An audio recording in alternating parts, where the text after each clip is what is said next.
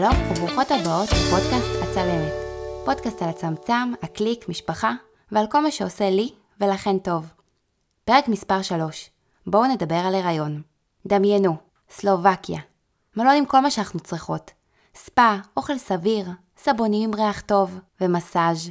מחליט בעלי שזה זמן טוב לעשות בדיקת הריון, רבע שעה לפני העיסוי. מה רואים? חיובי חלש. כמו קורונה, רק יותר מסובך. היות ולא היינו בטוחים, התייעצנו עם המעשים שאמרו, אל תדאגי, נלטף אותך טיפה ברגל, טיפה ביד, רק תשאירי 80 יורו על המדף ויהיה בסדר. אז ככה, גיליתי שאני בהיריון בערך שבוע 6, הריון בסיכון, הריון מרובה עוברים. אגב, הייתי בטוחה שמדובר בשני בנים, מרוב בעיטות וקפיצות. השליש הראשון היה מלא בכל טוב, בחילות, ירידה במשקל, ולא בקטע טוב. אפילו שוקולד לא הסכמתי לאכול, וקפה לא יכולתי לשתות. יחד עם הבשורה המטלטלת על שני עוברים, נודע לנו שאנחנו בקרוב עוברים לגרמניה. סך הכל רציתי לראות שהכל תקין, כי הכל הסריח לי. אני בתור בקופת חולים, ממתינה שעתיים לרופא. מישהו מצא לנכון לקלף תפוז בגודל של בלון, ממש מולי, ואני מתאפקת לא להראות לו מה אכלתי בצהריים. מגיע התור, נכנסת לרופאה, תוך הבנה שכנראה אני בהיריון, והיא, עם החלוק הלבן, מבשרת לי שיש לנו שני עוברים. איפה בעלי לכל הרוחות? אני בוכה, לא מבינה למה באותו יום מצא לו זמן להגיע מאוחר. התקשרתי אליו לבשר על הממצא, שאלתי, יושב? אחרי שלוש דקות של דממה מתוחה הוא עונה, יושב, שוכב. כן, שיחה מלאה. ההורים שלי היו בהלם, ההורים שלו נקרעו מצחוק, כך עברנו לגרמניה, בשוק ובצחוק. אם שאלתן, הטיסה הייתה נוראית. connection קשוח בווינה, נרדמתי כמו קבצנית על הספסלים עם הדבר המציק הזה באמצע, למה הם בכוונה שמים את זה? השליש השני באמת שעבר בקלילות. בין שלג לשופינג והרבה זמן שינה. השליש השלישי קמה בחמש בבוקר, מקפלת כביסה, מדליקה את ה iRobot פעמיים ביום, מנסה למצוא תכלית בכל שמירת ההיריון הזו, והכי גרוע, לא מצליחה לישון צהריים. ההיריון התקדם עם אוכל טוב, יציאות, שינה ומחנק בגרון. הרגשתי אותן עולות לי עד קנה הנשימה, בעיטות מצד ימין לשמאל וחוזר חלילה. מתה על השאלות, אבל איך את מבדילה? איך את יודעת מי זו מי? אני יודעת, אני פשוט יודעת. יש אחת בצד ימין, לעתיד תיקרא אגם, ויש את צד שמאל, לעתיד תיקרא מיה. זה לא כל כך קשה להבין. כשזה כואב, את יודעת בדיוק מאיפה זה. אם כבר, תשאלו אמהות לשלישייה. דרך אגב, אם תאומות זה קשה, שלישייה זה קשה פי שמונה לפי חוק החזקה. לא חזקה במתמטיקה, אבל זה שתיים בחזקת כמות הילדים שיש לך באותה הלידה. אז הבנות נולדו בניתוח קיסרי מתוכנן, בשבוע 37 ויומיים. לא, הן לא קיבלו אזרחות לכל מי ששאלה את עצמה. אז כן, מסביבי 30 רופאים ורופאות דיברו בכל השפות, רק לא אנגלית. כמה מרדימים, סטודנטים, מתלמדים, סטאג'רים, סניטרים, אחיות, אחים ומנקי חלונות. בסוף, לא כל יום יש לידת תאומות בגרמניה. הניחו אותן באותה מיטת אמבטיה, לא מחיסכון, אלא כי זה הדבר הכי מדהים שתוכלו לתאר לכן. בכיתי, צחקתי, הייתי עייפה, גמורה, ופה רק מתחיל הסיפור. עכשיו, חדל צחוקים. זו הייתה חוויה קשה, וממש לא פשוטה בלשון המעטה. פיזית ורגשית. יחד עם העובדה שהמשפחות הגיעו אחת אחרי השנייה, השפה רחוקה מלהיות נעימה, וממש לא כולם יודעים אנגלית, ומה לעזאזל לי ולשתיים. בואו, אני אחרי ניתוח, חתכו לי חצי בטן, שימו בצד רגע שילדתי, וילדתי לראשונה, אני בארץ זרה, אני אחרי ניתוח. כל הגוף כואב, אימא בפעם הראשונה, ועוד אימא לשתיים ששוקלות שני קילו כל אחת.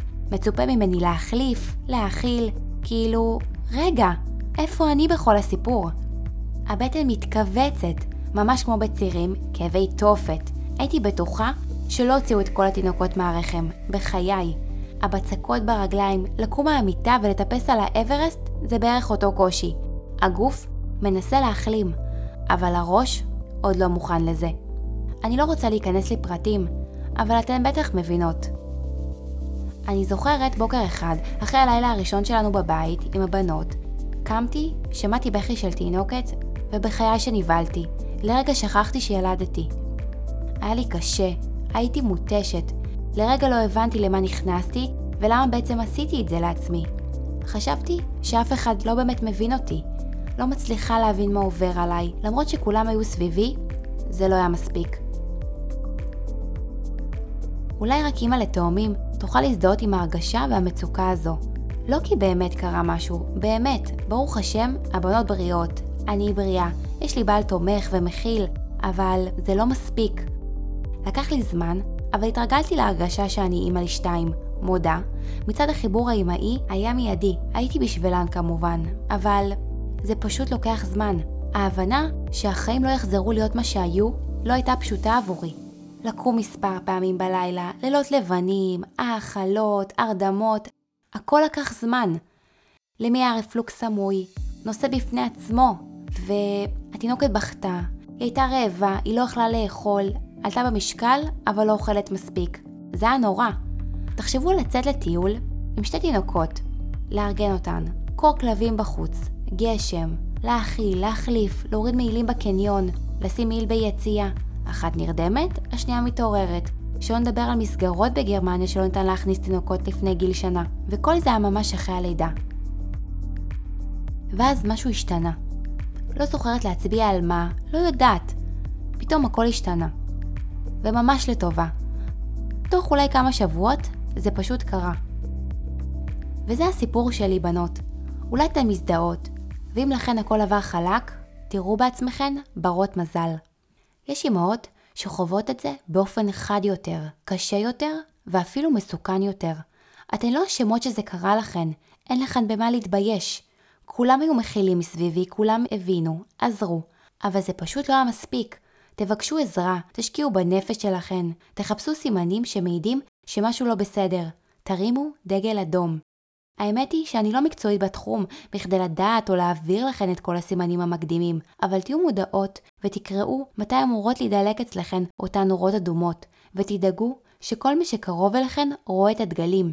תכינו את הבעלים, והעיקר שתדברו על הדברים.